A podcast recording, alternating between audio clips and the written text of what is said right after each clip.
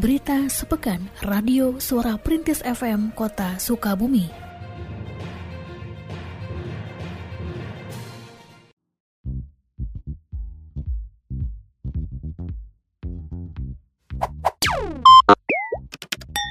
Sebanyak 8 orang atlet dari kota Sukabumi dari cabang olahraga bulu tangkis, hoki, bola tangan, anggar, dan kempo yang berjuang pada PON Papua ke-20 sebagai bagian dari kontingen Jawa Barat berhasil menorehkan prestasi dengan raihan 2 medali emas, 3 medali perak, dan 4 medali perunggu.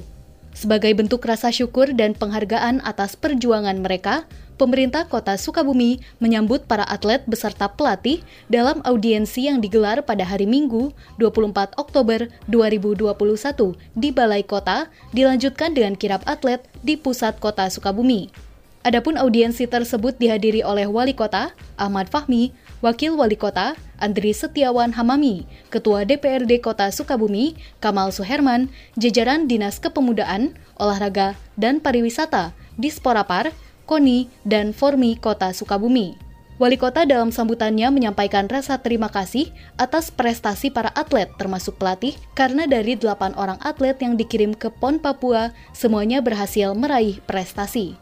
Disampaikan pula bahwa prestasi kali ini harus dapat dijaga dan ditingkatkan. Oleh karena itu, pembinaan dan regenerasi atlet akan menjadi salah satu perhatian pemerintah Kota Sukabumi melalui Disporapar beserta pihak terkait lainnya.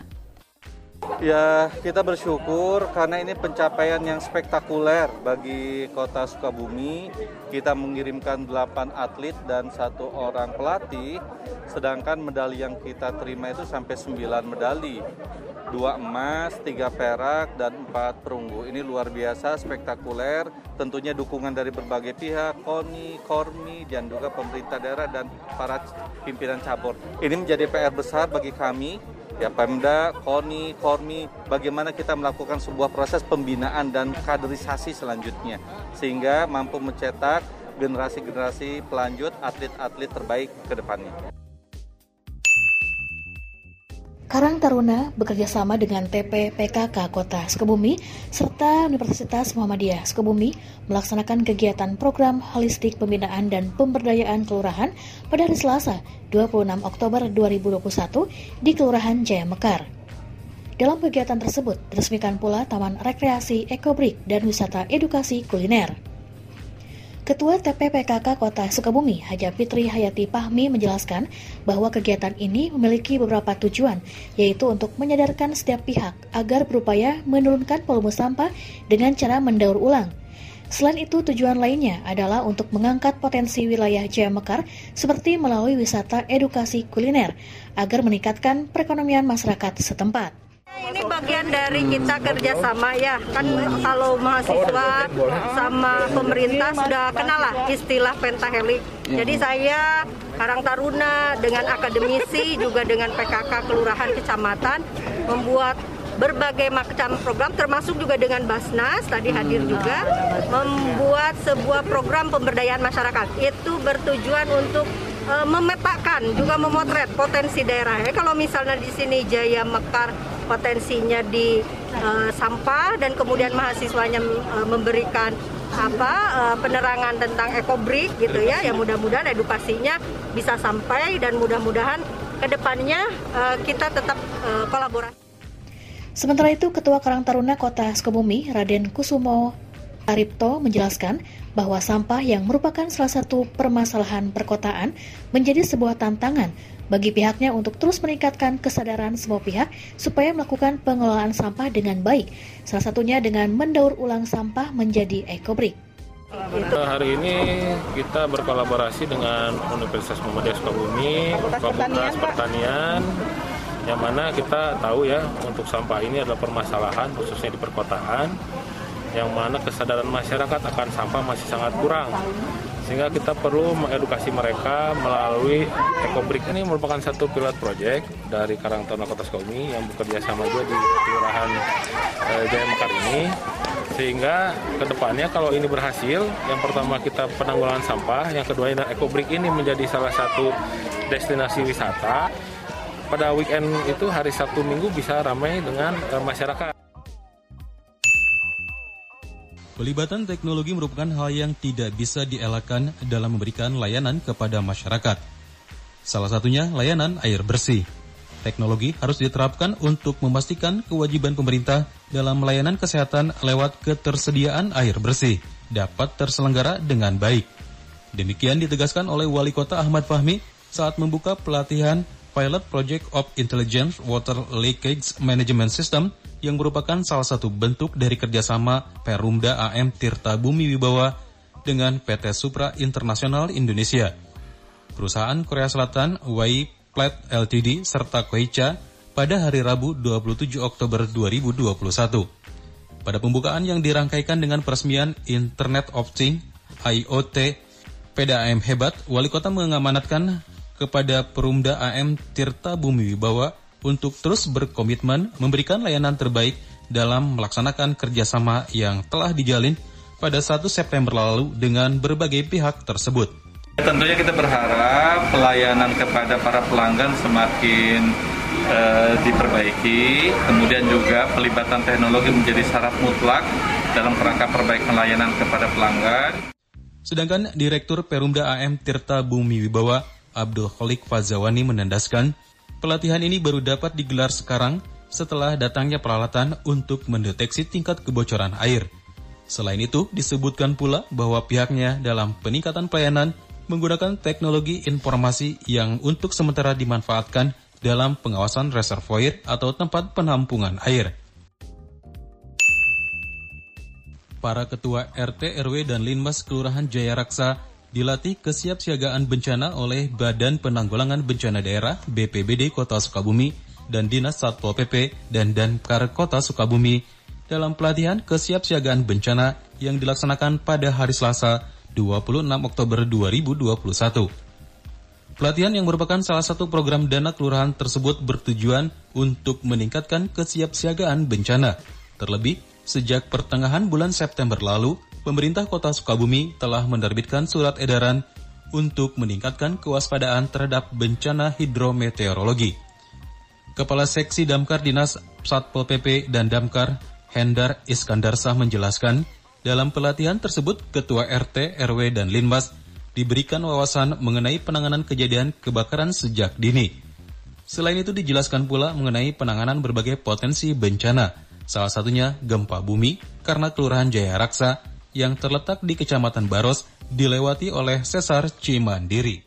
Yang akan kita sampaikan adalah pertama tentang bagaimana caranya pemadaman kebakaran awal dan apa saja alat yang bisa digunakan untuk pemadaman awal tersebut. Salah satunya adalah apa alat pemadam api ringan yang akan kita sosialisasikan kepada masyarakat dan bagaimana cara pelaporan-pelaporan bila kita di wilayah atau di pengewan terdapat bencana kebakaran dan tidak kebakaran penyelamatan lainnya seperti animal rescue dan apa pun itu yang bisa dilaporkan kepada pemadam kebakaran. Bencana apa yang akan terjadi dan bencana itu kapan terjadinya kita tidak tahu. Tapi potensi bencana itu di setiap wilayah ada. Apalagi berbicara bencana, kota Sukabumi yang namanya Jaya Raksa masuk di kecamatan Baros ini potensi bencananya sangat tinggi adalah di gempa bumi karena kita punya patahan sesar Cimandiri itu satu kedua kepadatan pemukiman kepadatan pemukiman yang memungkinkan bahaya kebakaran lebih tinggi ketiga tentang masalah habitat hewan liar yang sering masuk ke pemukiman karena kita berada di aliran sungai yang kemungkinan besar hewan-hewan liar masuk kepada pemukiman dan itu yang kita bisa laksanakan dalam uh, penyelamatan. Kelurahan Warudoyong menggelar diseminasi peningkatan kesiagaan bencana yang diikuti oleh para ketua RT dan RW pada hari Kamis 28 Oktober 2021. Kegiatan ini merupakan salah satu kegiatan pemberdayaan masyarakat memanfaatkan program dana kelurahan. Kepala Seksi Kesiapsiagaan Bencana Badan Penanggulangan Bencana Daerah BPBD Kota Sukabumi, Zulkarnain Barhami yang menjadi narasumber dalam kegiatan ini menjelaskan bahwa para ketua RT dan RW bukan hanya diberikan teori, tetapi juga diajarkan praktek cara penanganan bencana menggunakan peralatan milik BPBD Kota Sukabumi. Sementara Lurah Warudoyong, Ian Rojiman, menjelaskan bahwa kegiatan ini perlu dilaksanakan agar para ketua RT dan RW memiliki kemampuan dasar dalam penanganan bencana sejak dini, Selain itu, kegiatan ini juga dimanfaatkan untuk meningkatkan kewaspadaan para ketua RT dan RW dalam musim penghujan, karena Kelurahan Warudoyong memiliki potensi bencana longsor dan banjir. Uh, kegiatan hari ini adalah kegiatan rutin tahunan yang didanai dari uh, dana kelurahan bidang pemberdayaan. Uh, mengapa ini dianggap perlu? Karena sekaitan dengan ya wabah musibah kita kan tidak tahu ya. Agar para ketua RW memiliki kemampuan dasar untuk e, menangani ya pertolongan pertama lah. E, ketika ada e, musibah apa sih yang harus dilaksanakan? Nah e, kaitannya ini adalah untuk memenuhi itu saya harapan kami nanti setelah hasil pelatihan ini mereka memiliki keilmuannya nah ketika ada hal-hal yang berkaitan dengan um, uh, terjadi musibah, wabah musibah baik itu longsor banjir itu, Pak itu sudah siap, ya siap dia uh, memberikan pertolongan pertama pertolongan dasar. Dinas Pekerjaan Umum dan Tata Ruang DPUTR Kota Sukabumi meninjau rehabilitasi rumah tidak layak huni Rutilahu di Kelurahan Sudajaya Hilir pada hari Kamis 28 Oktober 2021. Peninjauan tersebut dilakukan oleh Kepala Seksi Perumahan DPUTR, Yusuf Kairi, bersama Ketua BKM, LPM, serta Koordinator Fasilitator atau Korfas Rutilahu Kota Sukabumi. Korfas Rutilahu Pepen Supendi menjelaskan bahwa peninjauan dan pengawasan dilakukan kepada beberapa penerima manfaat bantuan Rutilahu dan sejauh ini bantuan Rutilahu di Kelurahan Sudajaya Hilir dari pemerintah Provinsi Jawa Barat sudah terrealisasi untuk 35 unit rumah. Hasil peninjauan dan pengawasan menunjukkan konstruksi bangunan terpasang rapi dan rata-rata pembangunan sudah mencapai 80 persen. Alhamdulillah pada kesempatan hari ini kita melakukan monitoring dan evaluasi program bantuan sosial Rutilahu Bandung di wilayah eh, Kelurahan Sudajaya Hilir, Kecamatan Baros yang semuanya itu mendapatkan uh, bantuan dari program ini sebanyak eh, uh, 70 unit yang tahap satu sekarang yang uh, sudah terrealisasi di masyarakat ada 35 uh, CPM menerima bantuan. Alhamdulillah dari keseluruhan barusan uh, kita monitoring ke lapangan dengan semua elemen. Alhamdulillah di lapangan tidak ada sesuatu apa pun tidak ada yang krusial melihat dari sisi konstruksi e, pembersihan alhamdulillah semuanya terpasang e, rapih ya terpasang rapih sehingga e, semoga di apa CPM ini mendapatkan rumah yang memang benar-benar layak dari sisi e, ketahanan bangunannya sedangkan Lurah Sudajaya Hilir Pendi menjelaskan bahwa tahun ini di kelurahannya sebanyak 85 unit rutilahu mendapatkan bantuan rehabilitasi dari pemerintah Provinsi Jawa Barat, dana alokasi khusus DAK Dinas PUTR, serta Kementerian PUPR. Ia mengharapkan dengan adanya bantuan rehabilitasi Rutilahu bagi warganya dapat meningkatkan kesejahteraan warga. Alhamdulillah di Kelurahan Sejan ini tahun 2021 ini kita dapat dari bantuan gubernur 70 unit kita dan ada penambahan dari Kementerian PUPR kita dapat DAK 15 unit. Jadi total keseluruhannya kita bantuannya dari Bangub dan DAK sekitar 80 unit. Alhamdulillah kita dari udah kita setting musyawarah hasil auditor dari tim pendampingan dari fasilitator provinsi dan kita dari dinas PUPR Alhamdulillah kita tadi ambil sampel 9 unit. Alhamdulillah, Alhamdulillah secara keseluruhan kita berjalan dengan lancar. Hasil verifikasi dari tim fasilitator dari provinsi dan dari dinas PUPR mudah-mudahan selama ini dorongan dari bantuan pemerintah provinsi dukungan dari Pak Wali Kota keluar sudah jadi ini bisa meningkat kesejahteraannya dan bisa tertata lingkungannya Penggunaan sertifikat elektronik untuk tanda tangan elektronik telah efektif diterapkan pada lingkungan pemerintah Kota Sukabumi.